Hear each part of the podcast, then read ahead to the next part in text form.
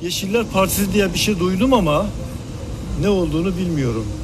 Duymadım. Hiçbirini duymadım. CHP, MHP, e, AK Parti. İnan duymuyorum ama solu seviyorum ama niye duymadım bilmiyorum. Türkiye tarihinde ilk kez yeşil bir siyasi parti ve yeşil siyasetçiler doğrudan seçime katılacak. Bu da ancak HDP'nin kapatılma ihtimaline karşı Yeşil Sol Parti'den aday göstermesiyle oldu. Başvuruları reddedilen Yeşiller Partisi eş sözcüleri ise tipten aday gösterildi. Doğa bilimci ve sürdürülebilirlik uzmanı Ferdi Akarsu ile şu sorulara yanıt aradık. Yeşil siyaset nedir? Neden Avrupa'da güçlendi? Gelişmemiş ülkelerde yeşil siyasi parti yok denecek kadar az mı? Yeşil partilerin avantaj ve dezavantajları ne? Bu podcast için Alpan Telek'in Yeşiller Partisi kurucularından Ümit Şahin'le yaptığı röportajdan da yararlandık. İyi bayramlar, keyifli dinlemeler dileriz. Herkese merhaba, ben Mehve Şevin. Ben Ferdi Akarsu. Yeşil Dalga'ya kısa bir ara verdik. E, işlerimiz güçlerimiz dolayısıyla ama buradayız merak etmeyin arkadaşlar. Dalgalar devam ediyor. Dalgalar devam ediyor ama e, Türkiye gündemi de çok hareketli. Zaten e, bir seçim gündemi var deli gibi. Biz de zaten bugün birazcık bu e, seçim gündeminden hareketle e, seçime dair, yeşil siyasete dair konuşalım dedik. Çünkü Ferdi ilk kez aslında Türkiye'de e, adı Yeşil, adında Yeşil geçen bir parti, e, Yeşil Sol Parti seçimlerde olacak. Ne sebeple olacak? Herkes biliyor tabii ki. HDP'nin kapatılma ihtimaline karşı e, karar verildi e, ve Yeşil Sol Parti'nin e, çatısının altında şeye girecek. Son dakikada bir gol olmasın diye ve o Yeşil Sol Parti e, listelerinden aday gösterildi. Dolayısıyla biz de Ferdi ile şunu konuşacağız. Bir her şeyden önce e, yeşil siyaset nedir? Yani bir yeşil siyaset e, en azından adında olan bir parti var. Evet baktığımızda da birkaç e, ilkesine da ilkesine baktık. Onlara da geliriz Ferdi ama yeşil siyasetin e, bir geçmişi nedir? E, nasıl bir şeydir ona bir bakalım. Vallahi aslında geçmişi birazcık üzücü olaylara dayanıyor. Şimdi önce şunu söylemek lazım dinleyicilere. Siyasi akımlar her zaman toplumsal karşılıklar beklerler. Yani milliyetçilik olsun, muhafazakarlık olsun, liberal ekonomi olsun, sosyalizm olsun toplumda belli karşılığı vardır. Bu karşılıklar da genelde ya bazen acılar ya hisler ya içgüdüler yani bir şeylerin o toplum dinamiklerini tetiklemesi gerekiyor. O dinamiklerin karşılığı olarak da siyasi hayatta bir yer yön oluyor. Yani o bildiğimiz bütün o demokrat işte falan filan o ad, adlarını duyduğumuz mütedeyyindir hani hepsi e, aslında muhafazakarlık vesaire toplumda bir karşılığı var. Buradan yola çıkıldığı zaman şu soru geliyor tabii doğal olarak. Yeşilin yeşil siyasetin bir karşılığı, karşılığı var mı? Var mı evet. Evet yani çünkü baktığın zaman hepsi dedik ya bir ya bir şeyden histen ya bir korkudan ya bir endişeden ya bir şey koruma içgüdüsünden toplumsal reflekslerden doğan şeyler. Orada da tarihine gittiğimizde şu karşımıza çıkıyor. Özellikle 1970'li yıllarda 72 yıl aslında tam ilk kurulduğu zamanlar. Aslında 68'de biraz bu hippie hareketi filan. Çok hani, büyük etkili. Çok büyük tabii etkisi aslında var start tabii oralar oralardan Hı-hı. başlıyor. Yani şöyle söyleyeyim. İkinci Dünya Savaşı'nda aslında temeller atılıyor. Hippie hareketi onu takip ediyor. Onun akabinde de tüm dünyada zaten hemen görüyoruz. Çünkü ilk 72 yılında Avusturya'da, Yeni Zelanda'da, Birleşik Krallık'ta kurulduğunu görüyoruz. Yani hemen ardı ardına geliyor. Aslında bakıldığı zaman yani genel olarak ben de deneyimlerime dayanarak arkadaşlarımdan e, bu Avrupa'daki bu siyasetin içinde olan ya da Türkiye'nin içinde olan gördüğüm şu oluyor. Hani bu partiyi sorduğum zaman nedir karşılığı, hangi hislere karşılık oluyor? Korku. Hmm. Yani bu bir yandan e, kötü bir nedende de olsa avantaj bir yandan dezavantaj. Çünkü e, korku doğayı kaybedeceğiz evet, korkusu. Değil aslında. Doğayla beraber geleceğini ve kendini ve nesilleri kaybedeceği korkusu üzerinden gidiyor. Evet. Yani normalde bir siyasi hareketin bir korku üzerinden temellenmesi çok istediğimiz bir şey değildir. Evet. Yani çünkü hani bir evet yani bir şey inşa etmek evet, üzerinedir. Ne yazık ki ama sonuçta böyle de bir gerçek var. Hani bir fake denir ya. O zamanlarda da 70'lerde de işte bu klasik işte Dünya Soğuk Savaş'ta e, Rusya ile Amerika devamlı özellikle Küba üzerinden bir nükleer gerilim neredeyse düğmeler basılacak falan. Bir nükleer karşıtlığı üzerinden büyük oranda e, gelişiyor. Çünkü o zamanlar daha bu iklim değişikliği vesaire çok ön planda değil. Elbette ilk raporlarda falan değiniliyor. E, ama hani böyle çok dünya gündeminde değil daha çok nükleer, nükleer. üzerinden gidiyor. E, öyle bir kıvılcımlanıyor. Sonra yavaş yavaş işte 80'ler 90'larda iklim e, işin içine giriyor. İklimle beraber özellikle işte 2000'li yıllarda e, belli ülkelerde e, bayağı bir filizleniyor. Bir bu küreselleşme ve bir küreselleşime karşı e, hareketin de etkisi var galiba. O Var, da bazı var. yerlerde birleşiyor. Çünkü büyük bu bütün e, büyük ekonomiler, büyük gelişmeler küreselleşmeyle e, ne bileyim mangonun alınıp e, ta ana yurdundan gidip bilmem nerelere gönderilmesi filan filan bizim e, çok gelişmişlik olarak yani gelişmiş ve e, gelişmişlik olarak adettiğimiz aslında her şeye karşı doğan da bir hareket. Tabii. Der Druck auf die Bundesregierung wächst und er kommt von der Straße. Die Anti-Atom-Bewegung mobilisiert die Massen wie selten zuvor. Zehntausende Menschen forderten allein in Berlin ein Sofortaus aller deutschen AKW.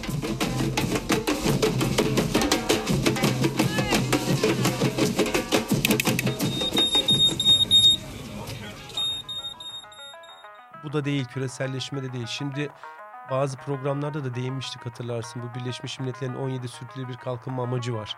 Bunların içinde eşitlik, adalet, işte cinsiyet, hakları vesaire gibi toplumsal hayatta çocuk hakları, işçi hakları falan gibi birçok konu var. Dolayısıyla gerçekte idealinde beklediğimiz zaten yeşil, yeşil siyaset böyle bir şey olmalı. Yani evet çıkış dedi ilk başta nükleer tabii ki ne de adı yeşil doğanın hani yok olmasından katliamından ortaya çıkıyor ama burada asıl soru değil niye bu doğa yok oluyor? İşte zaten bu adaletsizliklerin sonucu bir yandan da doğayı yok eden şey. O yüzden ben Yeşil Parti'yim deyip de yarın bir parti kursam sadece kuş börtü böcek doğayı koruyorum desem çok Hadi samimi canım ol. sana güle evet. güle derler Evet zaten olmaz. Ferdi'cim. Aynen o yüzden onların da böyle bir e, duruşları, idealleri var. He, soru şu ne kadar dokunabiliyorlar, ne kadar dokunamıyorlar Evet. handikap. O da niye olduğunu söyleyeyim. Çok büyük rakipleri var. Yani Sen binlerce yıl genel anlamda şey mi diyorsun? Yani e, Avrupa'da gördüğümüz, ya dünyada gördüğümüz yeşil siyaset ve genellikle önlerine çıkan engellerden Evet. mi bahsediyorsun? Evet yani şöyle e, sonuçta bir rekabet ortamı var siyasette. Ve hep bir alanlar tutulmuş. Mesela muhafazakarlık tüm dünyada kimi zaman ırk üzerinden, kimi zaman din üzerinden bir siyasi malzemedir. Hani toplumun belli kesimleri her zaman bir şeyi böyle korumaya yönelik olarak içgüdüleriyle hareket edip buna yönelik olan partileri yaparlar. Bir taraf liberaldir mesela, daha böyle geleceğe, bir taraf ilericidir falan. Çok böyle beylik yerler tutulmuş. Özellikle popülist siyasetçiler mesela korkutma üzerine çok yaparlar. Korkutma siyasetinin şeyidir, e, söyle yüzyıllardır belki e, ne derler hani e, ağası paşası yani. Sen şimdi onların yüzlerce yıldır uyguladığı kitleler üzerindeki şeyi bir yeni bir parti kuruyorsun. Ben de buradayım ve bunun burada bir şeyler yapmaya dediğin zaman hani deneyim ön plana çıkıyor. Ben mesela o eksikliği görüyorum. Evet. Söylemlerde de görüyorum. Var. Ee, dolayısıyla bunu söylerken şunu söylemiyorum yani yanlış anlaşılmasın. Ee, hani böyle bir güçsüzler falan filan değil ama siyaset de zaman isteyen bir şey. Ee, mesela Almanya'da e, gerçekten ikinci parti olmalarının en önemli nedenlerinden bir tanesi yani geleneksel olarak büyük parti olan sosyal demokratların erimesiydi. Hı. Aynı şekilde Hollanda için de benzer yorumlar e, yapıldığını biliyorum. E, bazı ülkelerde böyle ama genel anlamda bakarsak e, Yeşillerin e, solla olan e, ilişkisini çok düz bir ilişki olarak görmemek lazım. Yani şunu söylemeye çalışıyorum genel anlamda yeşil siyaset e, yelpazenin solundadır. Sol bir siyasettir. Hı hı. Özellikle değerler çerçevesinde. İşte eşitlik, özgürlük gibi değerler açısından, sosyal haklar açısından e, tamamen solda yer aldığını düşünebiliriz. E, politik teori açısından konuşursak. Hı hı. Ama e, Avrupa'daki yeşil partilerin konumlanışlarına baktığınızda e, bazı ülkelerde e, evet bazı ülkelerde bayağı soldadır ama bazı ülkelerde merkeze yakın e, hatta kendini sol sağ yelpazesinin dışında tanımlayan pek çok Yeşil Parti de var. Aslında bunun en şey örneğini hepiniz de e, zaten oradan biliyorsunuz. Aslında en gelişkin örneğini belki Almanya'dan Evet. biliyoruz. E, çünkü Almanya'da yeşiller artık e, öyle bir şeyden geldiler ki yani e, 98'ler yani aslında 80'lerden bu yana e, olan hareket nükleer karşıtlığı üzerinden e, da özellikle e, Almanya'da çok büyük bir karşılığı var orada. Sağlam bir direniş oldu yani nükleer santrallere karşı ve hala e, bunlar tartışılıyor. E, bir birlik 90 olarak da e, 98-2005 arasında hükümet ortağı oluyor falan. E, aslında Doğu Almanya'dan da çıkan Çıkıyor. bir İşte bu eşitlik falan Ha. filan hani o dedik ya E, illaki duvarın olması yıkılıp- gerekiyor. Tabii. e, bir birleşmesiyle de yani bu yeşil hareketinde bir para- paralelliği var. Ya bir yandan çok avantajlı. Evet. Yani dedik ya 17 tane sürdürülebilir kalkınma hedefi demek toplumun her şeyine dokunabiliyorsun demek. Hı, hı. Yani ben şuyum ben buyum diye kendini kısıtlayacağın bir şey yok. Ama bir yandan da e, böyle şeyle de suçlanabiliyorsun. Ya sen necisin abi?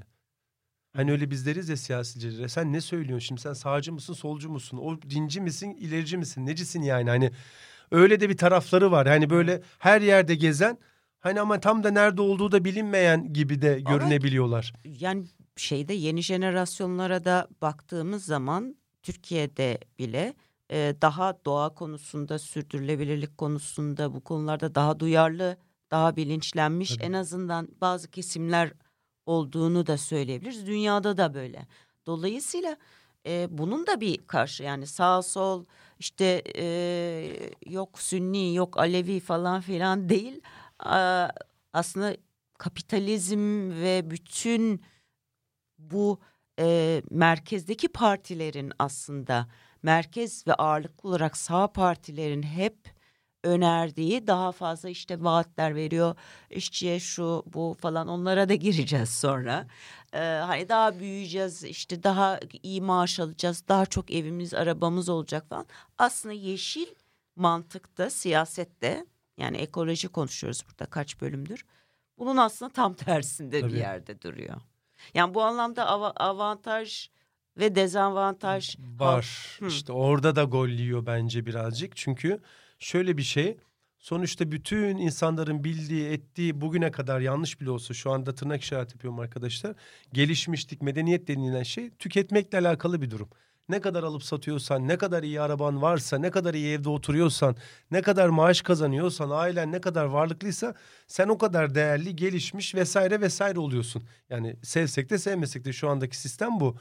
Dolayısıyla bir taraf şu anda çıkıyor diyor ki Ferdi Akarsu kurdu Yeşil Partisi'ni.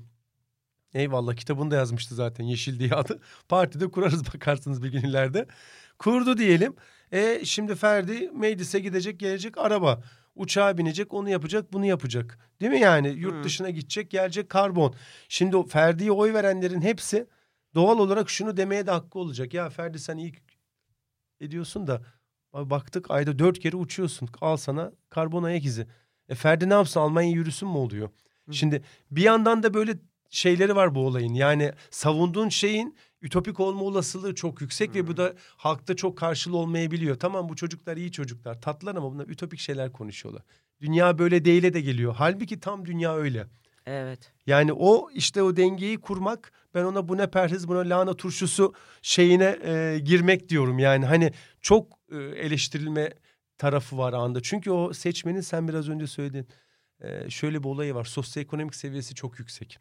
Diğer seçmen kitlelerinden. Dolayısıyla oy verdiği partinin de incik cincik her şeyini kontrol ediyor. Tabii. Yani hani böyle bir taraftar mantığı yani değil yani. Bilmem ne diyor Tabii. ama yani e, şu şu vaatlerde bulunuyor ama bakalım acaba kendi hayatında e, Yapıyor mu? bisiklet mi kullanıyor e, falan mı filan mı? E, bunlar tabii daha detay ve belki de şu günün şartlarındaki Türkiye'de bize komik gelebilir arkadaşlar ama bunlar da önemli, sonuçta. E, ve Çünkü yani- niye önemli biliyor Ha, musun? Onu söyle. söyleyelim bak. En büyük ticaret ortağımız Avrupa Birliği. Ya %50 %60'larda ve Avrupa Birliği'nde şu anda ben sana sayayım hükümet içindeki yeşil partileri. Sen Almanya örneğini verdin. Hatta ondan da bir oranı da söyleyelim. 2019'da %20'nin üzerinde oy aldı. Almanya, Türkiye nüfusu kadar olan bir yer. Avrupa Birliği'nin temel direği öyle düşünün ekonomi. Evet. Dünyanın da temel aktörlerinden biri yani. 2021'deki seçimlerde de %15'in üzerinde oy almış aşağı yukarı. Yani ciddi oylar bunlar. Avrupa'nın içinde dünyada da hükümet içinde şu anda yönetme pozisyonunda olan yeşil partiler bakın hangi ülkelerde? Avusturya, Belçika, Finlandiya, Almanya, İrlanda, Lüksemburg, Yeni Zelanda. Yani bu baktıklarınızın hepsi zaten büyük oranda OECD'de G8 falan ülkeleri. Hani onu da Evet. zaten tartışacağız. Tabii. Bence orası da tartışılmalı. Bence de. Ama günün sonunda şunu getiriyor. Türkiye bu yeşil mutabakat, ticaret partnerliği falan dendiği zaman Avrupa ile vesaire bakın Avrupa'nın yönü bu. Yani Türkiye de şu anda seçimde hasbelkader sen özetledin biraz önce. Seçim aritmetiğinde böyle bir şu anda bir kurulmayı bekleyen Yeşiller Partimiz yaklaşık 1-2 yıl oldu geçti belki de. E, hatta mahkemelere gitti kurulmasına Tabii. izin verilmiyor. Bir de Yeşil Sol Parti yani. Evet. Sonuçta adı iç- içinde yeşil olan iki parti diyelim hani Evet. genel olarak şu anda bayağı parlamentoya girebilir. Yani Evet. öyle düşünün. Hani belki hükümet etme olayı olmayabilir ama şu aşamada en azından parlamentoya girecek. Bu da bir adım Türkiye Hı. için bir gelişme. Çünkü 80'lerde kuruluyor daha Yeşiller. öyle Tabii düşün. canım. Yani yeni kurulan bir parti değil hareket yani dünyada da bizde de aşağı yukarı o zamanlara denk geliyor. Bunu da önemseyelim. Yani hani çok küçümsenecek durumda değil şu anda.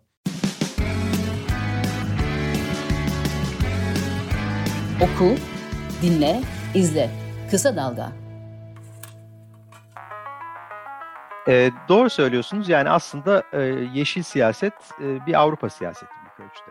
Yani e, Avrupa'dan doğdu. Gerçi hani ilk kurulan yeşiller e, Avustralya, Yeni Zelanda'dır ama yani onlar da İngilizce konuşan ülkeler oldukları için aslında büyük ölçüde İngiltere'den çıkan bir siyasi şeyin takipçisi olarak biraz bir de tabii oradaki çevre hareketlerinin gücüyle, e, doğal yaşam hareketlerinin gücüyle alakalı bir şey. Oralardan çıktı ama sonuçta büyümesi e, büyük ölçüde Avrupa'da oldu. Bugün e, Yeni Zelanda'da da koalisyonda e, destekliyorlar. E, Avustralya'da da güçlüler. E, birkaç ülkede de yani bir ara e, Sao Paulo'nun belediyesindeydiler falan yani Brezilya'da. Bazı ülke Meksika'da e, falan özellikle yerel yönetimlerde ya da eyalet düzeyindeki yönetimlerde, bölgesel hükümetlerde falan güçlü oldukları yerler var. Afrika'da e, bazı yerlerde e, çok önemli seçim başarıları olmasa da etkili yeşil partiler var ama temelde bir Avrupa siyaseti. Bunun nedeni aslında oldukça basit, hatta fazla basit. O yüzden hani e, bunu bu birazcık da moral bozucu olabiliyor yani bizim Türkiye'den baktığımız noktada. Çünkü şunu görüyoruz ki yeşil siyasetin yani bu kadar demin dediğim gibi yapıcı siyaset yapan, politika önerileri üzerinden siyaset yapan bir hareketin başarılı olması ve koalisyonlara güvenen ve vesaire yani böyle bir siyasetin başarılı olması için demokrasi gerekiyor. En azından temel ilkeleri yani ben bu Almanya'daki Grünen işte e, Yeşiller artık e, iktidarın ortağı olduğu için e, bazı temel ilkeleri nedir? Yani çok kısa olduğu için onlardan bahsedeyim. Doğayla uyum, küresel e, mücadele yani bir küresel mücadele denince neoliberalizmle e, mücadele deniyor. Sürdürülebilirlik. Dört, e, dördüncü maddede de erkek egemenliğin reddi. Bu da yani yeşil siyasette bu arada arkadaşlar e, bu da çok önemli. Yani e, toplumsal cinsiyet, Cinsiyet. eşitliği ve erkek egemenliğinin e, baskın e, sınıfların e, reddi yani ayrımcılıkların reddi söz konusu. Aynı şekilde şiddetin reddi de yani bu demin bahsettiğimiz savaşa hayır e, hikayesinin den çıkan Çıkıyor. çocuklar e, siyasetçiler bunlar ama burada da bir not düşeceğim birazdan. E, altı doğrudan demokrasi ve genellikle e, yerellik de çok önemli. Ademi merkeziyetçilik de önem verilen bir konudur yeşil siyasette. Adil ve özgür yaşam e, ve çeşitliliğin korunması. Bunun çeşitlilik derken bizim burada birkaç kez de bahsettiğimiz yani biyoçeşitlilik, kültürlerin çeşitliliği vesaire. Şimdi diyeceksiniz ki yani böyle çok tatlı anlatıyorsun da ben mesela e, Alman e, Yeşiller bu sene geçen sene pardon Ukrayna Savaşı'nda açıkça e, Ukrayna'nın yani Rusya'nın e, Ukrayna iş- işgalinde açıkça desteklenmesi Ukrayna'nın desteklenmesi için e, büyük çaba harcadı. Yani sosyal demokratlar e, iktidardaki başbakanın da olduğu sosyal e, demokratlar o kadar da hevesli değildi. Yani hükümetin asıl zorlayıcısı oldu. E şimdi bak ne ne oluyor? Şiddeti reddediyoruz ama e, iş gelip de koalisyon hükümetinde olunca burada bir seçim yapmak zorunda kalıyorsun Aynen. değil mi? Tabii tabii tabii. Yani siyasetin zaten şeyi o. Yoksa o kadar kolay bir şey olsa aslında herkesin yapabileceği bir şey olur. Zor tarafı da o yani hani kitleleri ikna edebilmek ve aldığın bazı kararlarda seninle çelişiyor olsa bile onun meşru zeminini oluşturmak falan gibi şeyleri var. Kolay değil. Bence yani bir toplum yapısından bahsetmek gerekiyor. Yani bu önemli. Ee, yeşil siyasetin de böyle sen çok güzel anlattın Yeşiller Partisi'ni. Ben de şeyi söyleyeyim istiyorsan. Yani hani zayıf tarafları. Heh. Benim gördüğüm neler? Ee, hani okumalardan, deneyimlerden diyelim. Ee, güçlü tarafları neler? Önce zayıfları söyleyeyim. Yani oradan gol yiyorlar ve gol yiyecekler. Birincisi romantizm. Şimdi bu olay önemli. Çünkü niye biliyor musunuz? Bu çok kolay yani. Çok hani cheesy derler ya kolay. Çünkü niye şey diyorsunuz yani böyle her şey geçmişte çok güzeldi. Geçmişteki pratikleri yapsak dünyayı kurtaracağız. Bu çok şey bu bir yeni Osmanlıcılık akımı gibi bir şey.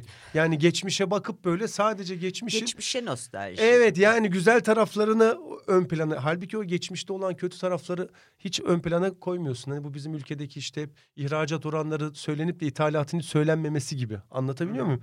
Şimdi buna çok düşmesinler bence. Ben görüyorum bunu. Sadece e, yeşil partilerde değil genel olarak bu derneklerde yeşil ekosistem diyeyim onlarda da görüyorum. Hep böyle bir geçmişe özlem, geçmişe referanslar. Elbette geçmişte güzel örnekler var ama geçmiş geçmiş. Oradaki iş o geçmişteki olayı günümüze akredite edip uygulayabilmek. İyisini de kötüsünü de bir şekilde yani. O romantizm bence kaybettirir. İlk başta evet çok tatlı. Hepimiz işte eskiden atalarımız ne güzeldi. Toprağı sürüyorlardı, imeceydi falandı. Çok tatlı. Ben bence de tatlı. Saatlerce konuşalım ama Ama şimdi birdenbire takasla hayata geçemeyeceğimize göre birdenbire işte ha, gibi. onu dönüştürmek iş. Yani sadece Dönüştür. ona evet onu dönüştür bugüne getir o mekanizmalarla. O ona eyvallahız ama öbürü bir kere işler. Hani böyle tatlı tatlı falan o insanlar onu bir Tabii kere. Bugünün insanı yani hiç onu şey yapmaz. Evet yani en yani fazla bir kere. bazısı bir belli kesimler yapıyor zaten eyvallah okey. Ve bu da desteklenmesi gereken bir şey. Ee, ama dediğin şey doğru evet başka. Diğer şeyi felaket tellallığı siyaset. Hmm. Bu, bu sıkıntı. Bunu çok çevreci hareket, siyasi partiler, dernekler falan Hmm. hepsi yani genel olarak e, zorda kaldıklarında yaptılar ama bu da bir kere oluyor. Yani o da ne onu söyleyeyim. İşte yok oluyoruz. Hani böyle kötü bir şey psikoloji üzerinden kitleleri çekme olayı. Şimdi bu en fazla bir kere bilemediniz iki kere alırsınız kitleleri. Üçüncü de artık olmaz. Nedenini de söyleyeyim mi? Ekoloji, doğa insan takvimine göre çalışmıyor. Mesela şu anda biz diyoruz ya plastik okyanuslarda kıta hep konuştuk bunları. Şimdi bir dernek çıkıyor ya da bir parti diyor ki ya okyanuslarda böyle bir şey var yok olacağız. Sonra insanlar aradan üç ay geçiyor beş ay geçiyor. E, sofraya hala balık geliyor yok olmadık. Evet sen bunun çok şey Anlatabiliyor muyum? Bu çok verdin. yani evet bu işte felaket tellallı siyaseti. Yani tamam o konuda bir şeyler söyle insanlara yap ama bunun üzerinden onları kendine çekme ucuzluğuna gitme. Hani o korkutarak yapma oluyor işte hani. O o Evet. zaman olmuyor yani. O bir kere yaparsın öbür siyasi partiler gibi olmaya başlıyorsun sonra. Yani yalancı çoban gibi oluyorsun. Halbuki karşılığı da olan bir şey. Evet. Yani hakikaten plastik kirliliği denen bir şey var ve hakikaten uzun vadede hepimizi tehdit ediyor. Ama sen bunu böyle sırf iki tane oy alacağım diye böyle onun üzerinden meydanlarda falan yapıp da yaptığın zaman ucuz oluyor. O da zaten dünyanın bildiği siyasi hamleler. Yani bence ona hiç girmesinler. Hı hı. Ya ama o yapıldığını görüyorum o yüzden söylüyorum. Hı hı. Bir de demin konuştuğumuz konu bu. Bu ne perhiz bu ne lahana turşusu.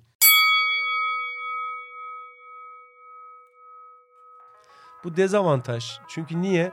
Diğer siyasi partiler özellikle de gelişmemiş ve gelişmekte olan ülkelerde eee, oy veren insanlar liderlerinin hep güçlü olmasını ister. Yani hani ihtişamlı, güçlü. Çünkü onu kendinde şey yapar, var eder. Yani kendi de öyle güçlü olduğunu düşünür. Yani liderinin 50 tane arabayla, konvoyla dolaşıyor olması e, o bir şeydir, statüdür ya da saraylarda yaşıyor olması falan. Ama bu yeşil siyaset dediğimiz sosyoekonomik seviyesi yüksek e, kitlede bu, bu böyle bir şey yok. Ama günün sonunda Ee, bunlar da insan ve bir şeylere binmek zorundalar, uçmak zorundalar hani vesaire. Dolayısıyla buradan çok gol yeniyor. Ben görüyorum hani buna çok dikkat etmeleri gerekiyor ama bir bir yandan da e, birazcık kötü bir yerde siyaset yapıyorlar. Yani zor bir yerde, kötü Zor demeyeyim de. yer. Evet yer. bunlar benim gördüğüm dezavantajları yani. Avantajları da var. Ee, avantajının da kötü tarafı şu. Ne? Ne yazık ki bunlar niye çıktı dedik. Doğa yok oluyor, nükleer tehdit vesaire. Şimdi Evet. bunların hiçbiri azaldı mı? Hiçbiri azalmadı. Putin arttı. daha yeni nükleerde tehdit ediyor. Kuzey Kore zaten 3-4 yılda bir saatli bomba gibi bir Tabii. çıkıp ben buradayım diyor.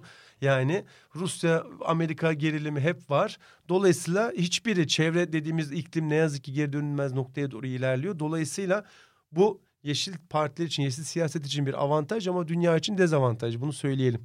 Hani çünkü öyle çıktı onlar. Evet. Dolayısıyla bunlar arttıkça mantık olarak artmasını beklersiniz yani. Öyle de oluyor zaten. Görüyoruz da bunu yani gidişattan, eğimden. Diğer konu deneyim. Ee, yani şey e, gün geçtikçe deneyimleri artıyor. Bu onların avantajına yani hani deneyimlenmeleri. Bir de bu dünyada istesek de istemesek de ki biz istiyoruz da bazıları istemiyor diye bunu söylüyorum. Gelişmişlik oranı. Dünya gelişiyor. Bazen az gelişiyor, bazen çok gelişiyor ve geliştikçe de e, bu tür daha sofistike siyasi akımlara eğilim artıyor. O yüzden demin saydığımız ülkeler hep gelişmiş ülkeler fark ettiyseniz. Evet. Dolayısıyla- ülkeler kısmına da gelelim. Vallahi gelelim ama çok üzücü. Hemen söyleyeyim Niye? çok Ha. özetle. Bu saydığımız Çünkü demin şey, saydığım yani- ülkeler 1 milyar bile değil. Evet. Şimdi en büyük bir de hızla büyüyen nüfusu artan aynı zamanda mesela Çin, Hindistan, Güneydoğu Asya çok hızlı bir e, Afrika. Afrika yani popülasyon olarak da bir de tabii ki bütün bu gelişmiş ülkelerin de e, besleyen e, kaynakların e, Orada. e, alındığı Tabii. Türkiye de buna dahil bu arada. İşte madencilik vesaire vesaire gibi. Ee, işte Kanada'nın bilmem ne yani adam Kanada'da kese bir ağacın yaprağını koparamıyor ama buradaki şirketi Altın o- madeninde İliç'te geçmiş olsun yani. Ha. Ee, dolayısıyla onlar e, yani bir gelişmemiş e, ülkelerle ilgili de bir pozisyona bakalım. Yani orada bir yeşil siyaset, yeşil e, ekolojik şey nedir var mı? Şöyle Direniş. yok şöyle var. Hı. Birincisi bu kadar ülke saydım size gelişmiş ülkeler ama hepsini toplasanız en fazla Almanya'nın nüfusu oluyor zaten orada biliyorsunuz. 200-300 milyon falan yapmıyor. Dünya 8 milyar bir. Bunu aklımda tutalım. Bu konudaki en önemli bir iki ülkeyi söyleyeyim. Çin. Çin'de zaten bir siyasi parti kuramıyorsunuz. Zaten yönetim şeklinden dolayı bir tane parti var malumunuz. Ama o partide iyi kötü ticaret için yani bence etik için değil ama yeşil bir şeyler yapmaya çalışıyor. Ama ne yazık ki yeşil parti yok. Ve Çin'in nüfusu 1.4 milyar. O yüzden dinleyiciler toplasın. Hindistan'da hiç yok. 1.4 milyar bir yeşil parti de kurulduysa bilmiyorum 3-5 ay içinde falan benim baktım Wikipedia'da Çok falan. e, çeşitli gruplar vardır. Var ama Şeyde siyasi ama parti olarak siyasi parti yok olarak hani aynı gördüğüm yok ama dinleyiciler yine bakarlar belki kurulmuştur falan. Ee, dolayısıyla yok. Güneydoğu Asya'nın neredeyse tamamında yok gibi bir şey. Afrika zaten geçmiş olsun ki bir programda söylemiştik 2100 yılında dünyada yürüyecek her iki kişiden biri Afrikalı olacak. Yani eğilim de oraya doğru gidiyor nüfus. Daha acısını söyleyeyim Amerika. Geçmiş olsun. 300 milyon küsür nüfusu var. Dünya gayri safi milli hasılasının yüzde otuzundan sorumlu. Yani açık ara dünyanın en zengin ve dünyayı domine eden parasıyla, üretimiyle ülke e, baktığınızda. Ama e, içinde çok eskiden kurulmuş Yeşil Partisi var ama ne yazık ki hani ülke Hiçbir bazında şey yok. zaten yok. Bazı eyalet düzeyinde temsiliyetleri var. Hani sıfır değil ama hani Amerika gibi bir ülkeden e, beklediğimiz bir durum değil bu. Öyle söyleyeyim yani çok hayal kırıklığı bence hani Çin, Hindistan falan değil. Orada zaten üç aşağı beş yukarı ne bekleyeceğiz abi modundayız yani. Çin sonuçta Komünist Parti yönetiyor vesaire vesaire. Tek parti var yani. Zaten yasak. Evet, yani tabii ben canım. partide ne yaparlarsa olur. Yani İşte. evet o ne yaparsa o oluyor. Onu anlıyoruz yani. Para ama Amerika gibi bir yerde hani bütün teliflerin çoğunun üretildiği hani paranın döndüğü entelejansın bir ölçüde hala olduğu üniversiteler anlamında bir yerde hani yeşil siyasetin olmaması aktif olmaması hani üzücü. Zaten dünyayı da biraz O etkiliyor. Yani Amerika'da böyle bir hareket olmuş olsaydı mesela Almanya'daki gibi emin ol dünyanın birçok yerinde daha büyük karşılıklar olacaktı ama ben yakın zamanda bekliyorum. Oradan da çıkacak diyorsun. Çıkacak yani yakın zamanda bekliyorum. Ee, ama Amerika'nın da sistemi çok zor diye olmuyor. Evet, Orada bir iki partili bir şey evet, var. iki partili Malum bir biliyorsun. şey var yani cumhuriyetçi, demokrat falan filan onların içinden belki e, daha çok e, anlayış ve e, siyaset tarzı olarak zaten demokratlardan çıkarsa Çıkıyor yeşil e, belki bir yeşil damar çıkar diyelim. E, ama istiyorsan şimdilik burada bir e, keselim. E, sonra bu yeşil siyaset meselesini farklı açılardan da Felsefik açıdan girmek lazım canım. felsefik açıdan. da Çünkü yani kim kendini hakikaten işsiz ve oysuz bırakmak için siyasete girer. Çünkü yeşil siyaset şu böyle bitirelim ben bu cümleyi söyleyeyim Ne devamında görsünler. sen? Evet çünkü şöyle bir şey. Şimdi ben bir yeşil siyaset değil mi yapıyorum? Niye? Evet. Doğa artık yok olmasın. insan hakları. Bunun sağladığım bir toplum zaten siyasete de ihtiyaç duymaz. Zaten doğa korunmuştur artık. Hani diyelim ki ben siyasi partiyi kurdum. Hakikaten başarılı da oldum. Hükümetlere geldim dünyanın bir yerlerinde. Ve hakikaten doğa artık yok olmuyor falan. E bana ne gerek var? Evet. Aslında kendini lav etmeye yönelik bir e, ütopik ama hani bir yandan da çok ulvi bir yolları var. Anlatabiliyor muyum? Mesela muhafazakarlık dünyada eminim ben 10 bin yıl sonra da olacak. Hep bir şey durum o yani. ama şimdi bu adamların yeşil partilerin olayı şey kendini aslında lav etmeye yönelik yani kim bunu ister birazcık o yüzden çok saygı duyuyorum ulvi bir durum ama handikapları da var bence bu konuda tartışılması lazım. tartışırız Ferdi'cim ama şimdilik hoşça kalın diyelim. Ee, haftaya buluşmak üzere. Ee, yeşillik, e- ekoloji siyasette olur mu? Ne şekilde olur? Ee, ne şekilde var ve Türkiye'de de en azından yeşil e, vaatler ne ve senin şu dediğin Tabii. birazcık düşündürücü soruyu da soracağız. Görüşmek üzere diyelim. Görüşmek üzere. Hoşçakalın.